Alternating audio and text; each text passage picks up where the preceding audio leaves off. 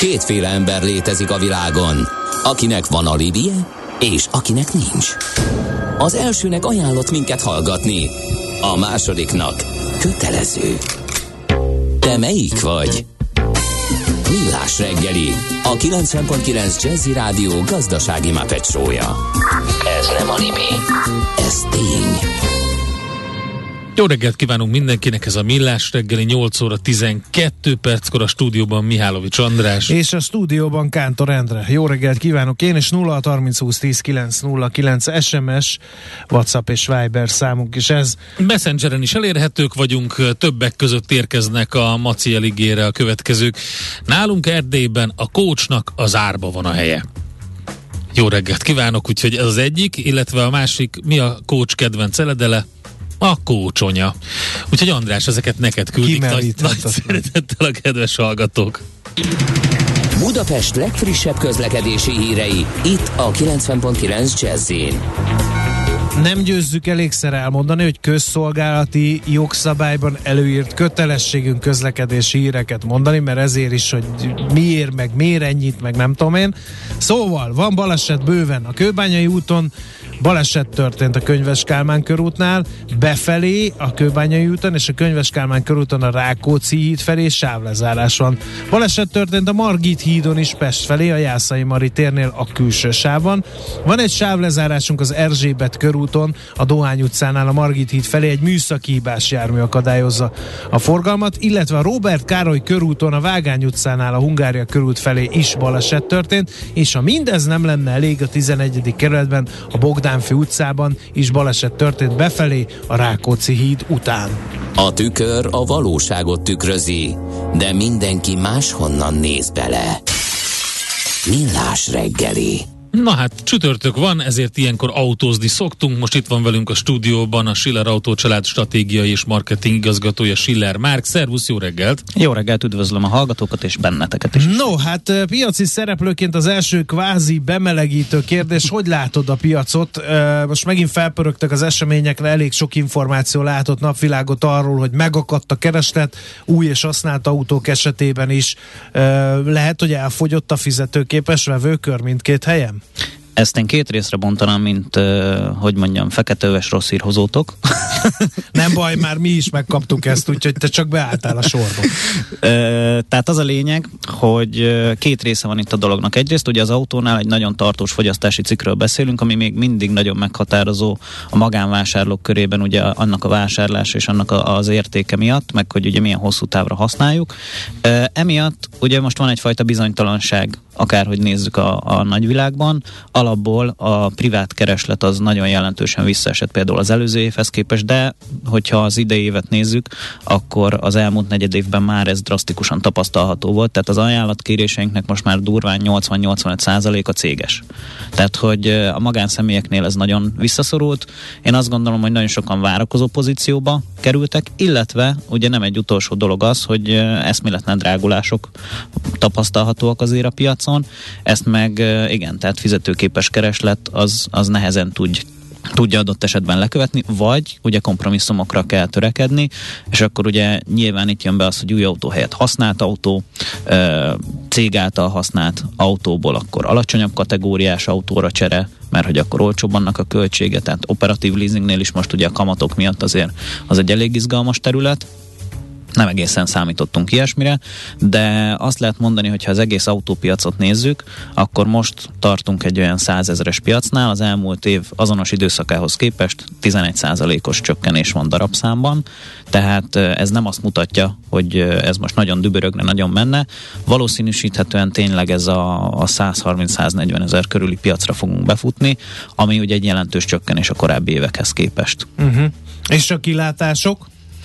Azok sem jó. Kilátások azok... Hát, hogy ez a 130-140 ezret, ezt vissza fogjuk egyszer sírni? Így a kilátások uh, szerint? Én, én azt gondolom, hogy ennek valamilyen szinten ez a szám körül kell majd mozognia. Tehát ez a, a 150 ezret fogjuk valószínűleg visszasírni, meg ugye csináltunk egy időközi rekordot 180 ezerrel nem is olyan régen, de tehát ez a 150 ezres autópiac az, ami, ami egy ilyen áhított állapot lehet majd később. Itt én azt gondolom, gondolom, hogy 130-140 ezer körülire fog beállni a piac most az elkövetkezendő pár évben, mert autó igenis kelleni fog.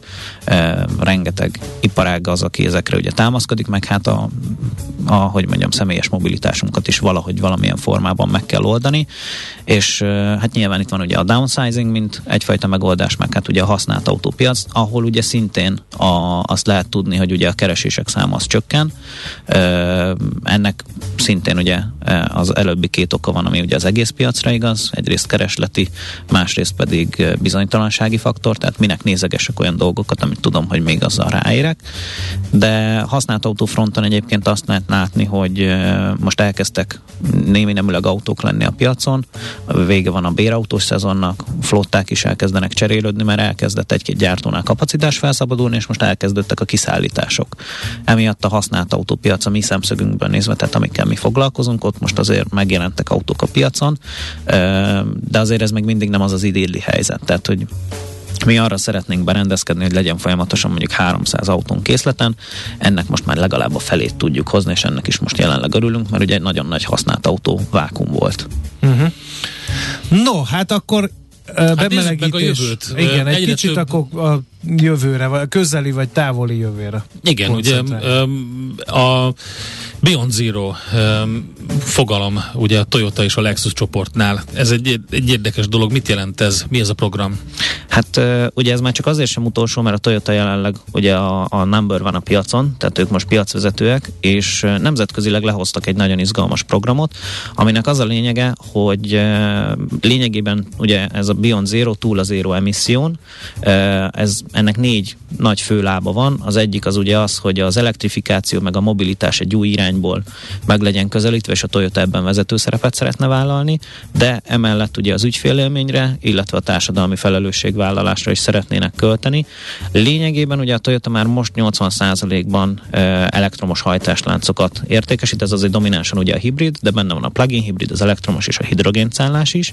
Ennek a programnak a, a célja az az, hogy 2030-ig 30 új elektromos modellel jöjjön ki a gyártó, ugye mindkét márkájánál, a Toyota-nál is és a Lexusnál is és van egy-két nagyon izgalmas projektje ennek kapcsán, ami ugye, hogyha már elektromos, akkor ugye a, a zero károsanyag kibocsátás irányába szeretnének uh, mozdulni, és a teljes fenntarthatóság irányába. Ehhez társul például egy Woven City nevezetű projektjük, ami egy teljesen karbonsemleges ilyen tesztváros, Aha. Amit így felépített a Toyota, ott teljesen futurisztikus járművekkel járnak, és nem bocsát ki széndiokszidot.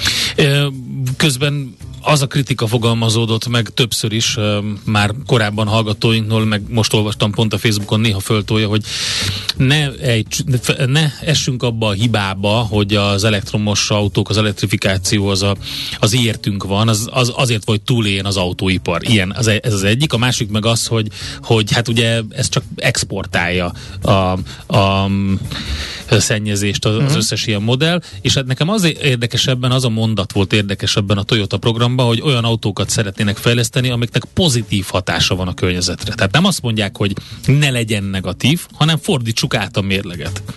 Hát igen, egy kicsit visszatérve arra, hogy ugye az elektrifikáció az autóipar túlélése miatt van, hát én ezt ott cáfolnám meg, hogy ez egy óriási szenvedés nekik, ugye a, a, a, hogy mondjam, a, a törzsgyökeres gyártóknak átállni. Hiszen ugye a fejlesztési ciklusokat nagyon fel kell gyorsítani, a robbanó motorra épült alapvetően az egész iparág, szabályozói környezet al- alakította így, hogy ugye át kell állni, illetve ugye a józanész is félig meddig most már. A karbon mérlegét, vagy károsanyag mérlegét, hogyha nézzük ugye az autógyártásnak, ez csak és kizárólag akkor tud környezethatékonyan működni, és nem csak exportálni kvázi a szennyezést, hogyha ugye megújuló energiával egyrészt töltjük, másrészt pedig a gyártási folyamatokat teljesen újra gondolják. Illetve ugye még az sem egy utolsó dolog, hogy uh, akkumulátor vagy hidrogéncella megközelítéssel megyünk. Valószínűleg ez a kettőnek a mixe fogja egyébként meghatározni a jövőnket. Most voltam a Párizsi autószalonon, és nem nagyon lehetett olyan autót látni, ez most a héten hétfőn volt, ami ne plug-in hibrid vagy elektromos lenne, de rengetegen már a hidrogéncellát hozzák kész Ez utóbbi engem, engem azért lep meg, mert ahhoz, tehát hogy a, az átlag újságolvasónak, vagy így nyitott szemmel járó embernek a világban azt tűnik, hogy ez még egy nem kiforrott technológia.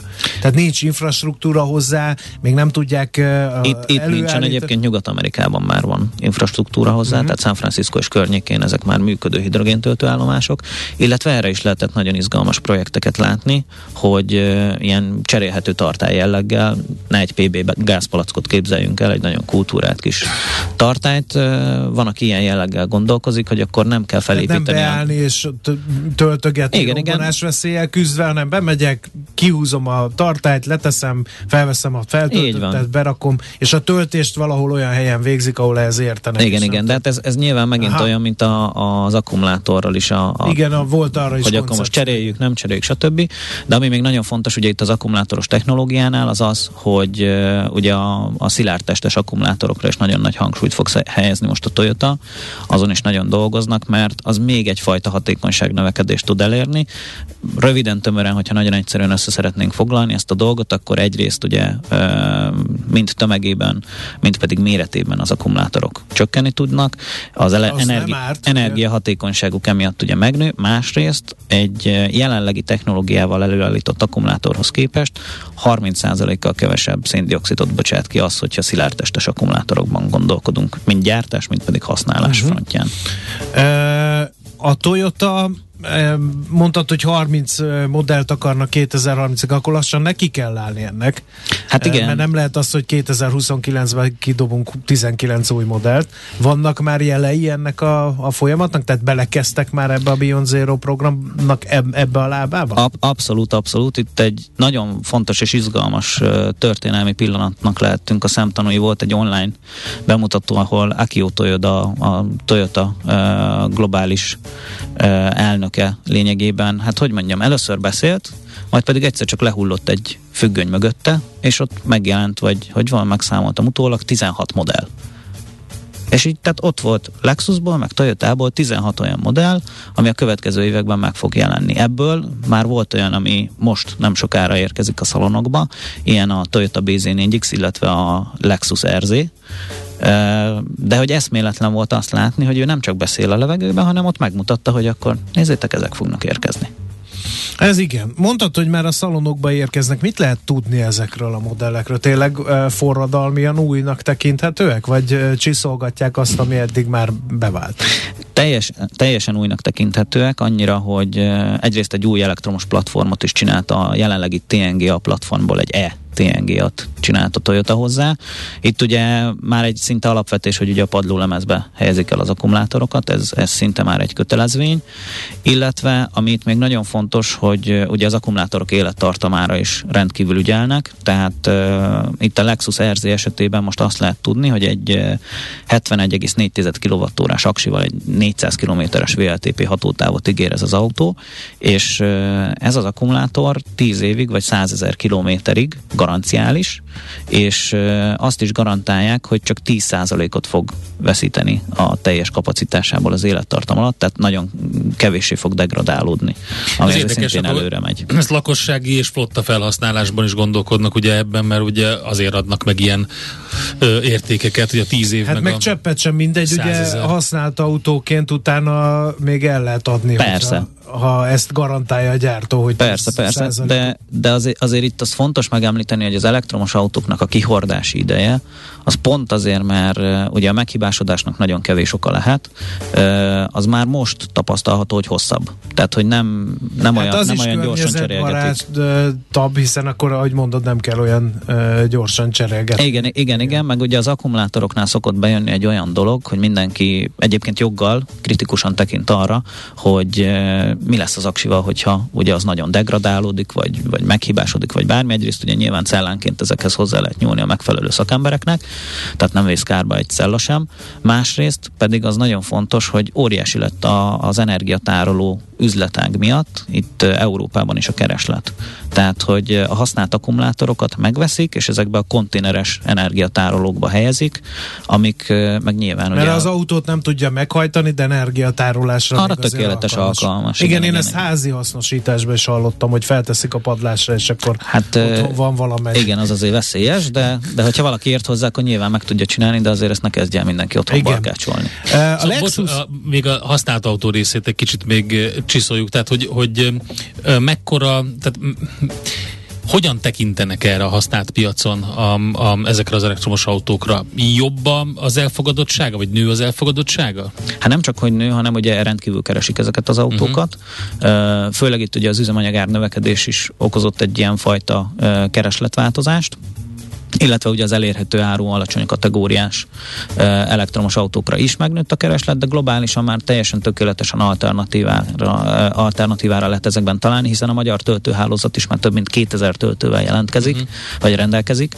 Innentől kezdve azért ez már nem tud nagyon... Hát viszonylag jó lenni. helyzetben vagyunk ebből a tekintetből, mert nem egy olyan nagy ország, ahol ugye ezt a távolságot át kell hidalni, tehát mondjuk azért ha az problémás lehet, hogyha pont olyan irányba halad valaki autópályán, ahol kicsit kevesebb a hálózat, vagy, a, vagy az infrastruktúra, de egyébként egyre többet látni. Hát ezek, ezek nagyon át fognak alakulni a következő években, illetve azt nagyon fontos megemlíteni, hogy az elektromos autóválasztásnál nem abból kell kiindulni, hogy egy évben egyszer vagy kétszer mondjuk lemegyek az Adriára, uh-huh. és akkor fú, azt az elektromossal nem fogom tudni megtenni. Hanem abból kell kiindulni, hogy az év 95%-ában mire használod az autót, illetve télen ugye ez a táv ugyanúgy mennyi, mert télen ugye csökken a hatótáv, uh-huh. egy ilyen 20-30 százalékkal minimum, de ez is most már modellekre pontosan le van bontva, hiszen nemzetközi adatállomány rendelkezésre hogy kinek télen mi volt, meg hogy volt a hatótávja. Uh-huh.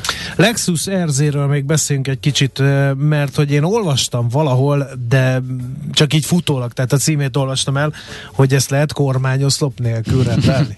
Na igen. Tehát, Ez hogy már az önvezetésnek valamiféle ez, előszobája? Hát részben igen, de közben meg nem is egészen. Tehát uh, úgy van, hogy a, a kormányoszlop nélküliség az nagyon sok mindent tud az autónak a belterében változtatni, hogy arról, uh, tehát minek mennyi helyet meg hogyan kell hagyni, és ez tehát hogy mondjam, a biztonsági felületeket azért nem befolyásolja, tehát hogy nem törünk jobban össze, mert hogy nincsen kormányoszlop vagy ilyesmi, vagy éppen ellenkezőleg sem.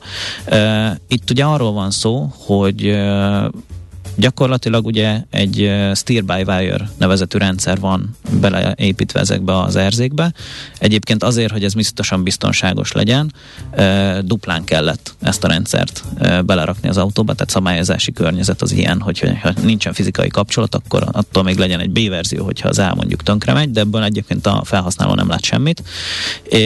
Itt ugye arról van szó csupán, hogy teljesen elektronikusan tudjuk az autót vezetni, szenzorokra támaszkodik, és akkor utána lényegében a sebességhez is adaptálódik. Mert Tehát gombokat kell nyomogatni. Hogy hívják ezt a vackot? Jok, joke vagy Joki? Na, vagy a, a jok, Joke kormány, ez egy külön izgalom, Igen. hogy gyakorlatilag van egy Forma 1-es kormányod az autóban, ugye a fe, Mit felső... vihetsz úgy, mint ne, azt, a, azt, azt, azért nem. Pedig azt azzal ellophatatlan Kapsz egy a kulcstartónak egy igen. 3D printet. És akkor egy rárakod az övedre, és akkor mész mindenhova. Nem, nem, nem, tehát ez, ez nem irány, viszont a felső karimája ugye hiányzik, és lényegében ugye elengedés nélkül a végállásaiba tudod vinni a, a Ami 150 fokkal tekerhető Igen, a, a kattanásig. ez ugye azt, azt jelenti, hogy a közben ugye, tehát egy normál kormányt mondjuk kétszer is megforgat, ez a sebességhez adaptálódik, és akkor úgy hát ezt a BNP 1-es páncélozott szállító harcermű a 70-es évek óta tudta ezt a kormányt. Hidd el, hogy, hidd el, hogy nagyon nagy a különbség. Ebben biztos, hogy. ez, Tehát ez, ez, ez egészen extra. Uh, szerintem nagyon sokaknak ugye eleinte fura lesz, de, de a jövőt ezt mutatja. Én hamarosan Magyarországon vehetek ilyen kormányautót? Így van, így van, így van. Tehát akkor ez, ez nem, ez egy nem dolog. önvezető, de, de... De nincsen de fizikai is, kapcsolata a, András, szeretném neked elmondani, hogy még jobban tetszem, mert de te, hol van te bírod az ilyen, te bírod az, az ilyen szamurájos... Ott gombol? Nem, ugyanúgy. az hangutasításra megy elkezd apa fejet dagadni, akkor bekapcsolja Ilyen automatikusan. A Lexus a Tazuna filozófia. Ugye ez a lovas által a ló irányításához használt gyeplővel végzett apró mozdulatok ihlették. Ezt jelenti a Tazuna a japán nyelvben, és ezt uh, ugye az adaptív, ugye ahogy, ahogy, ahogy a, a lovagoltam is, de a gyorsasághoz. Az igazi művészet az, amikor nem a, nem a, a, a gyeplővel irányítod a lovat, hanem a térdeddel. Na. Hát egyébként itt ez a Tazunát, hogyha megnézzük, hogy miről szól, ugye nagyon klasszikus módon a, egy-két japán szót behozott a, a Lexus ide Európába is. Ennek az a lényege, hogy a, a sofőrnek a keze a kormányon, a szeme az úton, és minden más az elköré szerveződik. Tehát ez a belső kialakítási filozófiára is hatással van, ugyanúgy, ahogy például itt a, a Joke kormány esetében, ami szintén egy valószínűleg nem európai eredetű szó. Vezettél már ilyet? Én még sajnos nem, de nagyon várom. Ez jövő évben már el fog következni, hogy ezeket ki lehet próbálni. Hát feltétlen meséld el, mert nagyon kíváncsi. Ill- illetve amit még ugye fontos, és megemlítésre méltó, ugye a hangvezérlést azt elkezdett pedzegetni. Igen, igen. De hogy nem mondod, hogy az is van benne. Egyrészt van, másrészt lehet vele magyarul beszélgetni. Ami, Na végre. Ami ugye, tehát annyit kell mondani, hogy szia Lexus, ez már a mostani NX-ben, RX-ben, új RX-ben is uh, működik, hogy szia Lexus, és rengeteg dolgot az autó magyarul is megért, ami, ami nekem egy kifejezett, uh, hogy mondjam, kellemes élmény Hát ez volt. azért jó, mert az én autóm, amikor felolvassa az SMS-eket, akkor az úgy hangzik, hogy New message from Gabor Vakonei. És akkor utána elkezdi mondani angolul, Angolul amit a magyar, igen. Én is beleszaladtam. Lehetetlen Hát igen. értelmezni. Hát ez, a, ez az Apple CarPlay-nek igen még egy izgalmas tudása, hogy ő is angolul olvas. Na hát örömmel látjuk, hogy abszolút Fú, de izgi. jövő, jövőcentrikus az autóipar, és azért volt jó az a beszélgetés, hogy már a, a hogy is mondjam, kicsit kiózanító jelenről beszélgettél, de a jövő az úgy látszik, hogy kicsit, kicsit zöldebb, meg boldogabb, mint amit így most el tudunk képzelni És egyébként helyzetben. nyilván az jutott eszembe, ha a Toyota ezt csinálja a trendsetterként, akkor ahhoz arra rá fog repülni a többi autógyár is, Hát hát ahogy igen, a hibrid meg- hajtásra, mert ők ugye 26 évvel ezelőtt ezt kitalálták, Igen. azóta a legnagyobb gyárak is mennek utánuk, tehát azért jó Igen, ez. a hibridben is, meg a hidrogénben is ugye már vannak ilyen mozdulatok, hogy oké, okay, hogy a hibridet elkezdte a Prius-szal, gyakorlatilag ugye 97-ben lépett piacra az az autó, ugye azzal elkezdték ezt bevezetni, de a hidrogéncellánál is az van, hogy ők már 17 ezer mirait értékesítettek korábban az előző generációból, most megjelent az új, és ugye mindezzel párhuzamosan a többiek is elkezdték ezt a technológiát feleleveníteni, hiszen azért ez másoknál is volt már, vagy létezett, de hogy nem ilyen darabszámban, mint a, a Toyota-nál, mert egyébként ugye, ahogy említettem, ez az Amerikai Egyesült Államokban a nyugati parton már a töltőhálózat valamilyen szinten megoldott.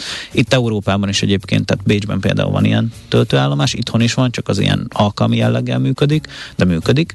Illetőleg Japánban ez már, már egy létező dolog, és a, ott abszolút a, a hidrogén irányába mennek, nem csak Mirai van ott, hanem kisebb városi autók is már hidrogéncellások, buszok is, tehát hogy nagyon átalakulóban van ez ott. Hát jó ezt hallani. Köszönjük szépen, hogy itt voltál és beszélgettünk erről. Toyota Beyond Zero, um, Lexus RZ és um, az autóipar helyzete. Schiller Márk, köszönjük szépen, hogy itt voltál. Ő pedig a Schiller Autócsalád stratégiai és marketing igazgatója. További szép napot neked. Köszönöm, szép napot nektek is, és a hallgatóknak is. Aranyköpés a millás reggeliben. Mindenre van egy idézetünk. Ez megspórolja az eredeti gondolatokat. De nem mind arany, ami fényli. Lehet kedvező körülmények közt gyémánt is. András, én azt javaslom, hogy te és a barátaid tekerjetek rá erre az adóra. Jó. Snoop Doggnak van a születésnapja. egy igen. jó idézetet. 1971. október 20-án született az előadó művész, és akkor tőle választottunk egy aranyköpést. Kántor Endre az élete előtt tiszteleg Snoop Doggnak, én pedig csak a munkássága előtt, az élete előtt nem. De mindegy, szóval az aranyköpés így hangzik, akkor most Vladimir Putyin után Snoop Dogg magyar hangja is én leszek. Vedd el onnan, légy szíves azt a linket, mert nem Milyen állok. linket? Ja, oké. Okay. Na, szóval Snoop Dogg magyar hangja. Sokan át akarnak verni, és azt mondják, nem vagy okos, ha nem jártál főiskolára. A józanész azonban mindent felülír. Ezt tanultam meg, amikor krekket árultam. Aranyköpés hangzott el a millás reggeliben. Ne feledd, tanulni ezüst, megjegyezni arany. A műszer neked egy fal, a sebesség egy váltó, a garázs egy szentély. Zavar, ha valaki elbetűvel mondja a rükvercet. Mindent akarsz tudni az autóvilágából? Akkor neked való a millás reggeli autós rovata. Futómű. Autóipari hírek, eladások, új modellek, autós élet. Kressz. Bárkonyi Gábor autós szakértőtől megkérdeztem az előbb a telefonba, hogy eh, Sony Honda? Azt mondta, mhm. Majd megkérdeztem, hogy Renault Nissan? Azt mondta, aha. És azt hiszem ezzel ki is veséztük. Erre pedig én, a dá, mai, dá, dá. Azt meg is, a mai témánkat szóval, ki is veséztük. Igen, figyelj, uh, Várkonyi Gábor van a vonal túlsó végén. Szerbusz Gábor! Jó reggelt, autós szakértő. Muszáj valamit csinálni a többieknek is, mert most hallottuk eh, az előző vendégtől, eh, Schiller Márktól, hogy a Toyota magasra tette a lécét a Toyota Beyond Zero programmal, de mit lépnek erre a többiek?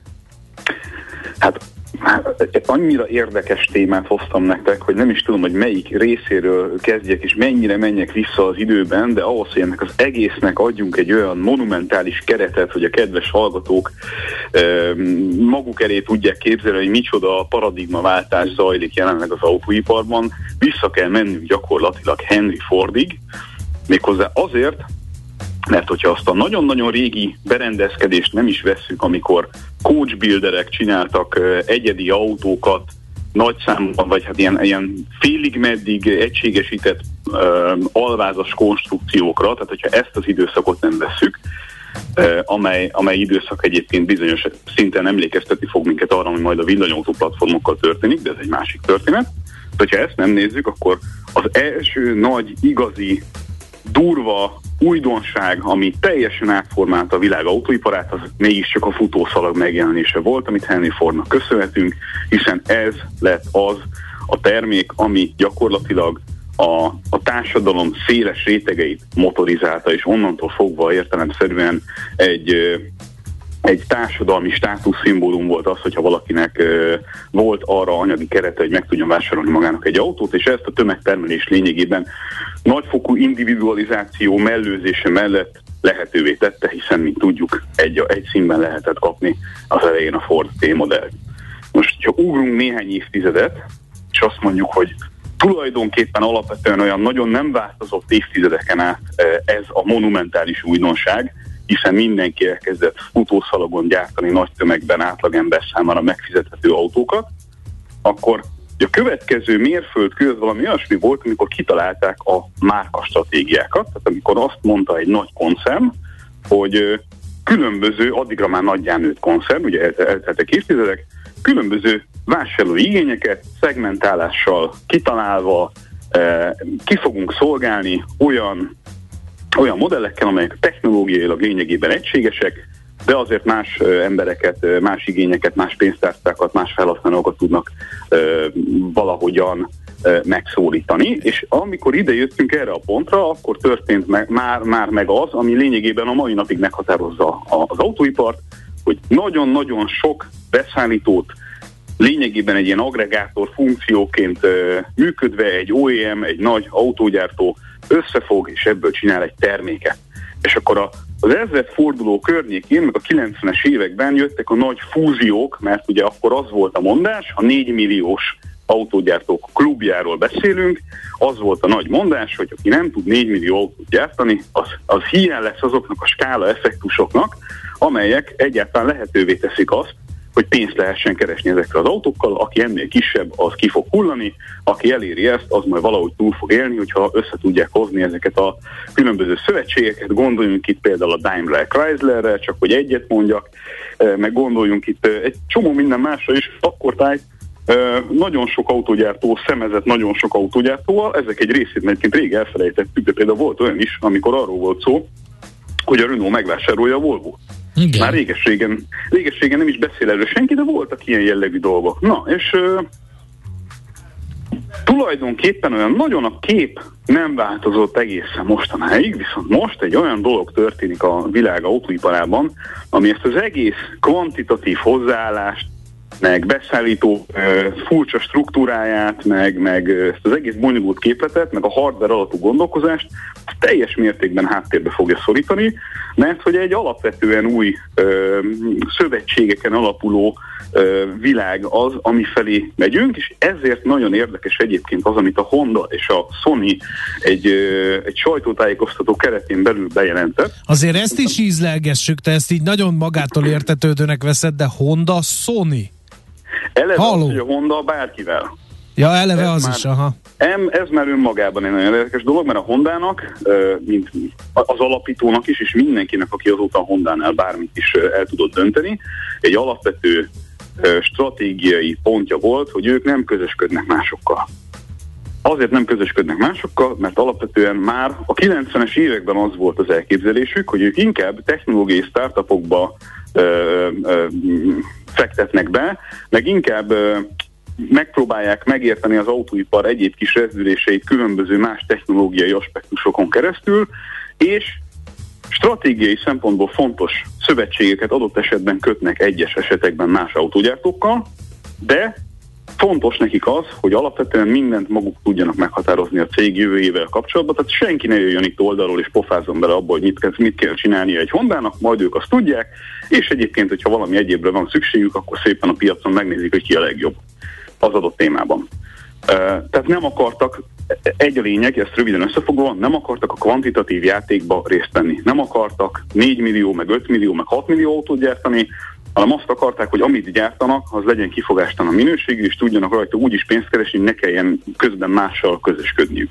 Csak hogy eljön a világnak az a, vagy az autóipar világának az a korszaka, amikor a hardware gyakorlatilag a, a, a fontossági szempontból abszolút degradálódik, és az autó is olyasmi lesz, mint egy, mint egy platform, amit szabadon lehet konfigurálni. Itt a, azt a példát kell elképzelni, amit a Playstation-nel csinált a Sony. Tehát az, az autó egy olyan helyszíne lesz a jövő pénzkereseti lehetőségeinek, amit a felhasználó szoftveres úton gyakorlatilag maga kreálhat meg egyéni elképzelések szerint, és természetesen nagyon fontos lesz az, amit egy autó műszaki értelemben tud, de annál is fontosabb lesz az, amit önvezetés, vagy, vagy szórakoztató elektronika, vagy egyéb kérdések szempontjából össze tud hozni. És itt jön az a pont, ami, vagy ahol össze tud nőni a Sony a, a Hondával, mert hogy ez egy válasz, vagy egy megelőző lépés arra, amit a kínai gyártók felől látunk, amely gyártók egyébként pont az előző, vagy az ellenkező ö, utat járják be, tehát ott először mondjuk technológiai cégek jönnek létre és emelkednek föl, és utána akarnak autót gyártani. E, és itt egy autógyártó egy technológiai céggel szövetkezve akar valami fajta ellenpólust képezni erre a dologra. A Bibi az, a Bibi az, a, én nekem így első olvasatra, hogy, hogy nem a Sony a leg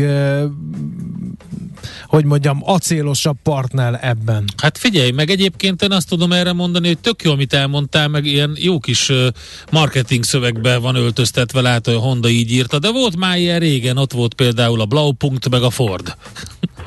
Igen, de az sose volt, tehát az egy stratégiai partnerség volt, sose volt keresztulajdonlásról szó adott esetben, vagy, vagy összefűzéséről két, két cégnek.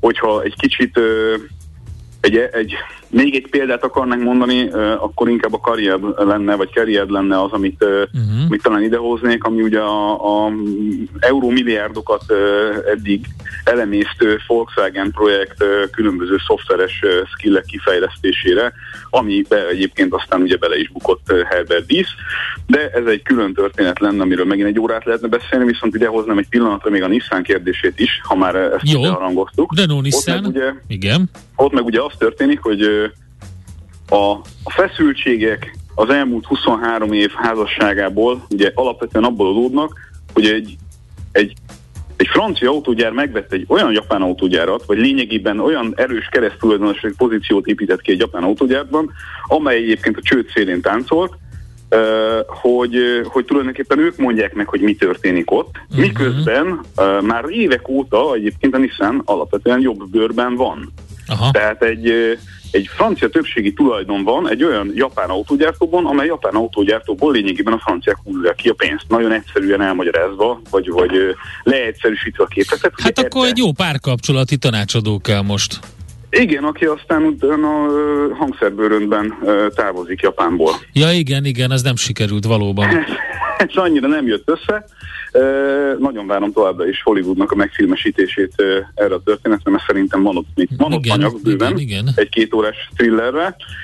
Tehát a Renault esetében most a, a japánok megpróbálják kipuhatolni, hogy meg lehet-e oldani azt, és elméletileg egyébként erre van egy álmen a franciák részéről, hogy kicsit egyenlősítik a keresztulajdonlás mértékét, tehát 43-15 az arány százalékban, és ezt a 43-at ezt le kéne vinni 15-re, tehát hogy 15-15 százalék legyen a keresztulajdonlás aránya a két cégben, ami azért is érdekes, mert valamikor egy pár hónappal ezelőtt meséltem nektek arról, hogy a Renault-nak az a célja, hogy nem is célja, hanem meg fog történni, hogy fölbontsa az üzletágát egy klasszikus belső égésű üzletágra, meg egy ettől teljesen szeparáltan működő, új technológiákra fókuszáló elektromos üzletágra. A belső égés üzletágba elméletileg be fognak vonni arab, illetve, uh, illetve kínai uh, befektetőket, szakmai és pénzügyi befektetőket egyaránt, és akkor ezekkel az autók fogják a feltörekvő piacokat egyszerűbb belső égésű motoros autókkal ellátni, és lesz egy elektromos része az autóipari vállalatoknak, ami egy teljesen külön cég lesz, és ebbe a külön cégbe fog elméletileg a Nissan, és egyébként a, a szövetség részeként a Mitsubishi is befektetni, és itt kifejezetten az új technológiák, szokásos Duma ugye önvezetés és elektromos autó kapcsán ezzel akarnak aztán világhódító útra indulni, és, és a Renault-nak szüksége van tőkebevonásra mindenképpen, mert továbbra is rettenetesen fáj nekik az, hogy egy rubelért el kellett herdelni az orosz érdekeltségüket, ahonnan egyébként elég sok pénzt tudtak keresni az elmúlt időben. Tyú, izgalmas történet. Kíváncsi vagyok erre a Sony Honda megvan a, megvan a neve, a hallgató megírta. Igen? A Sony Honda Egyesülésnek az lesz a neve, hogy Sonda. Oké, okay. és az autó valószínűleg akkor trikolorban jön majd. Ugye, hogy hát, tri, tri, tri, Trintron autóval. Igen, hát izgalmas minden. Egy nagy piros ponttal. Vagy Drive Man lesz az autónak a neve? Uh, vagy valami Playstation-os analógiát találjunk még Vagy pedig, vagy pedig tényleg ez a, a jövő, hogy tedd le az autódat valahol, és Walkman. Ez a Sony Honda. Ugye? Ennyi. Egy Ennyi, vagy P plusz R-be leteszed, és onnantól Walkman, öregem. Ennyi. Vagy, vagy Self-Drive Man. Bizony. Hát jó, ezt folytatjuk még innen. Gábor, köszönjük szépen. Szép napot, holnap reggel. Holnap reggel, bizony. Szevasz, hello. Várkonyi Gáborral beszélgettünk a Sony Honda és a Renault Nissan Frigyekről. Az egyik egy gyümölcsöző szerelemmel teli új kapcsolat, a másik meg egy, hát egy kicsit kiszerettek egymásból, ott már komoly párterápiára van szükség. Most lefarkolunk, de jövő héten megint indexelünk és kanyarodunk, előzünk és tolatunk a Millás reggeli autós rovatában. Futómű a világ négy keréken. András, felraktad már a használt légiós bakancsodat a Marketplace-re? Nem. Én addig használom, amíg használhatatlan. a marketplace Mindent addig használok, amíg használhatatlan. Tehát az Fölraktad már, már a Gede Egerét a marketplace-re, amit itt, na, arra akkor vigyázzál, hogyha... De már ő ráugrott licitálra. Lehet, hogy licitál, de külföldről is érkezhet ajánlat, vagy ilyen fura magyarsággal. Az a, kér, az a lényeg, hogy IT rovatunkban ezzel foglalkozunk. E, egyre több az az online piac teres csalás, ahol te, mint eladó is rosszul járhatsz, hogy hogyan, mert ugye ez egy óriási csapdahelyzet, helyzet, azt gondolnád, hogy de hát nekem fognak fizetni, hát én hogy jár, járhatok rosszul. Na ezt fogjuk megbeszélni IT rovatunkban, tessék figyelni. Nézz is! Ne csak hallgass! millásreggeli.hu